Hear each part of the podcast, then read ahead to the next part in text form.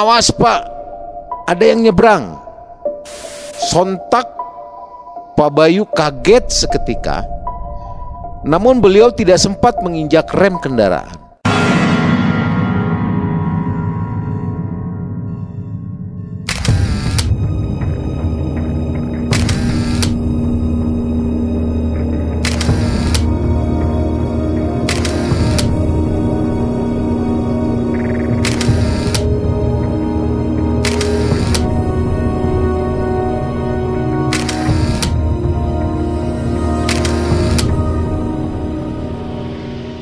Selamat malam Sobat Malam Mencekam. Berjumpa kembali dengan saya Yudi Yang akan mengawal sebuah cerita mistis yang horor dan mencekam tentunya.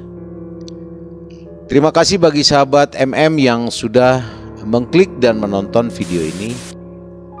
Jika Anda suka Jangan lupa untuk like, komen, dan share ke teman-teman sobat semua. Serta jangan lupa untuk menekan tombol subscribe juga menyalakan loncengnya agar teman-teman tidak ketinggalan dengan cerita lainnya. Tentunya cerita yang lebih horor dan mencekam. Di kisah video kali ini, sebuah kisah yang dikirimkan oleh Pak Bayu melalui email malam mencekam story at gmail.com yang berprofesi sebagai seorang supir ambulans di kota Bandung. Gini ceritanya.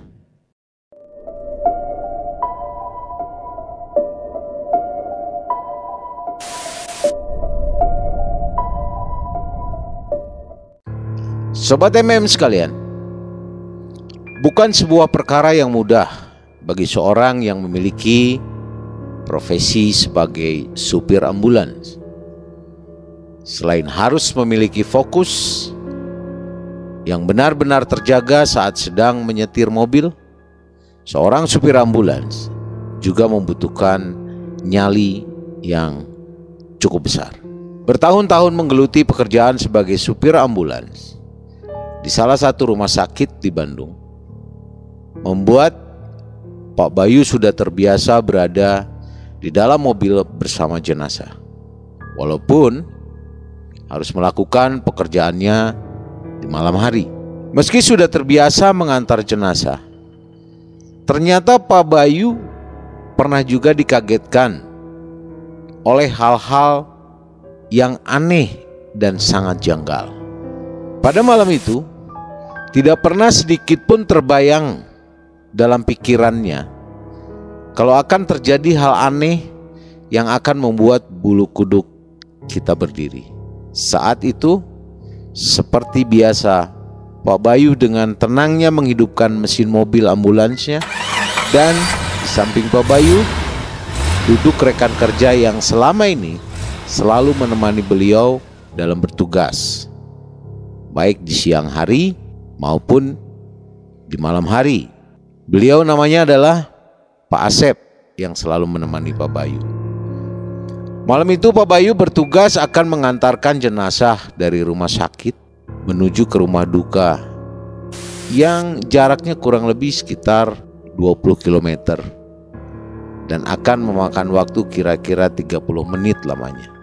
Karena dirasa semua sudah siap, maka tidak berlama-lama, Pak Bayu melanjutkan kendaraannya dengan hati-hati.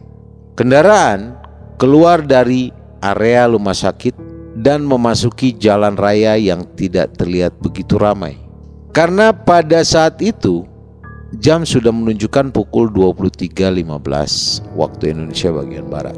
Ya hanya terlihat beberapa kendaraan saja yang lewat. Dan Pak Bayu melaju dengan kecepatan 60 km per jam melintasi kegelapan malam serta bunyi sirine yang memecahkan kesunyian di malam itu. Saat kendaraan melintas jalan yang diapit oleh pesawahan, saat itu cukup gelap sekali. Tiba-tiba rekannya Pak Asep berteriak, "Awas Pak, ada yang nyebrang!"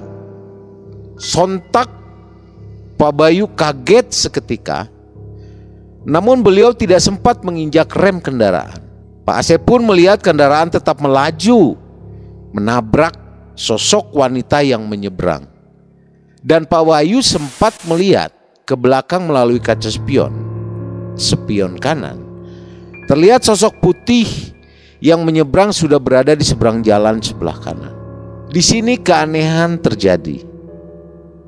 Karena baik Pak Bayu maupun Pak Asep sama sekali tidak merasakan adanya benturan. Rasanya tidak seperti menabrak sesuatu. Buktinya mobil masih tetap melaju. Apa itu tadi ya Pak Asep? Kata Pak Bayu. Dengan masih dalam kondisi kaget dan jantung berdebar.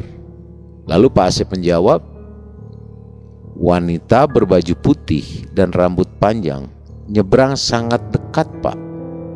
Saya pun kaget, makanya saya teriak Pak. Tapi saya tidak merasakan nabrak sesuatu, kata Pak Bayu. Lalu Pak Asep menjawab, Astagfirullah, betul Pak, saya pun tidak merasakan atau mendengar sesuatu. Kemudian Pak Bayu sedikit memperlambat laju kendaraannya untuk bisa menenangkan diri sambil berdoa dalam hati. Jelas sekali penampakan sosok itu di pandangan Pak Asep dan Pak Bayu. Namun mereka terus berusaha berkonsentrasi untuk melakukan tugasnya dengan baik. Sobat MM sekalian, singkat cerita, sampailah mereka di rumah duka tanpa menceritakan apa pun yang baru saja mereka alami. Setengah jam lamanya, Pak Bayu berada di rumah duka. Lalu mereka pun pamitan untuk pulang. Jam saat itu sudah menunjukkan pukul 00.40 waktu Indonesia bagian Barat mobil melaju meninggalkan rumah duka. Dan mereka berdua sepakat tetap mengambil jalan yang sama untuk kembali ke rumah sakit. Mengingat terlalu jauh kalau harus berputar mengambil jalan lain. Sirine mobil pun kembali menyala dan Pak Bayu melajukan kendaraannya dengan kecepatan yang cukup kencang sambil berdoa dalam hati. Dengan harapan tidak menjumpai lagi hal yang aneh dalam perjalanan pulang. Terlihat jalan yang dilalui sangat sepi dan cukup gelap, hanya diterangi lampu mobil. Pak Asep berujar, "Hati-hati Pak Bayu, di depan lokasi saat tadi ada yang menyeberang." Lalu Pak Bayu menjawab, "Iya Pak Asep." Dengan sangat hati-hati, serta sambil berdoa, Pak Bayu melajukan kendaraannya melewati lokasi yang dimaksud. Dan alhamdulillah mereka tidak melihat ada kejanggalan apa pun. Sejenak mereka pun merasa cukup lega. Namun tiba-tiba setelah melewati lokasi tersebut kira-kira 100 meter, Pak Asep kembali berteriak, "Pak, Pak, Pak, Lihat pohon sebelah kiri, ada sosok putih sedang duduk di batang pohon. Pak Bayu pun mengarahkan pandangan ke pohon yang dimaksud dan ternyata Astagfirullah Allahu Akbar Allahu Akbar Kuntilanak sedang duduk menjuntai Pak Asep Pak Bayu terus melajukan kendaraannya dengan cepat sambil berdoa dan berusaha untuk terus konsentrasi. Terlihat dengan jelas oleh pandangan Pak Bayu, sosok putih sedang duduk dan kain baju bagian bawahnya mengayun-ayun. Sungguh pemandangan yang sangat membuat bulu kuduk berdiri. Namun akhirnya dengan aman dapat melewati daerah tersebut. Sobat MM sekalian, akhirnya singkat cerita mereka sudah mendekati tujuan yaitu rumah sakit di mana mereka bertugas. Dan memang menurut informasi dari beberapa rekan kerja bahwa memang di sana sering terjadi penampakan sosok kuntilanak dan konon berita yang didapat dari perkampungan yang berdekatan dengan lokasi tersebut adalah bahwa pernah terjadi seorang wanita yang melintas pada malam hari dibegal yang akhirnya meninggal dunia di tempat. Masya Allah. Namun pengalaman tersebut tidak membuat Pak Bayu dan Pak Asep cerah mengingat itu adalah tugas kerja mereka. Sobat MM sekalian, demikian cerita yang disampaikan Pak Bayu kepada kami melalui email yang dikirim melalui malam mencekam story at gmail.com dan masih ada beberapa pengalaman lainnya yang akan dibagikan kepada sobat malam mencekam di video selanjutnya.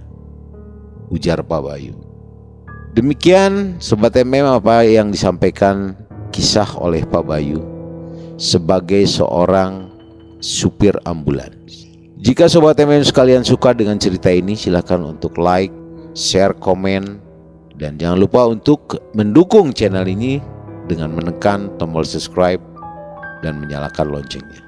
Oh ya sobat MM sekalian, jika Anda memiliki pengalaman pribadi, silakan Anda mengirimkan cerita Anda email malam mencekam. Terima kasih sudah menonton dan mengklik video ini. Tetap dukung kita dan selalu positif, tetap jaga kesehatan Akhir kata dari saya, perkuat iman dan ketakwaan kita kepada Allah Subhanahu wa taala. Terima kasih sobat MM. Saya Yudi mohon pamit. Assalamualaikum warahmatullahi wabarakatuh.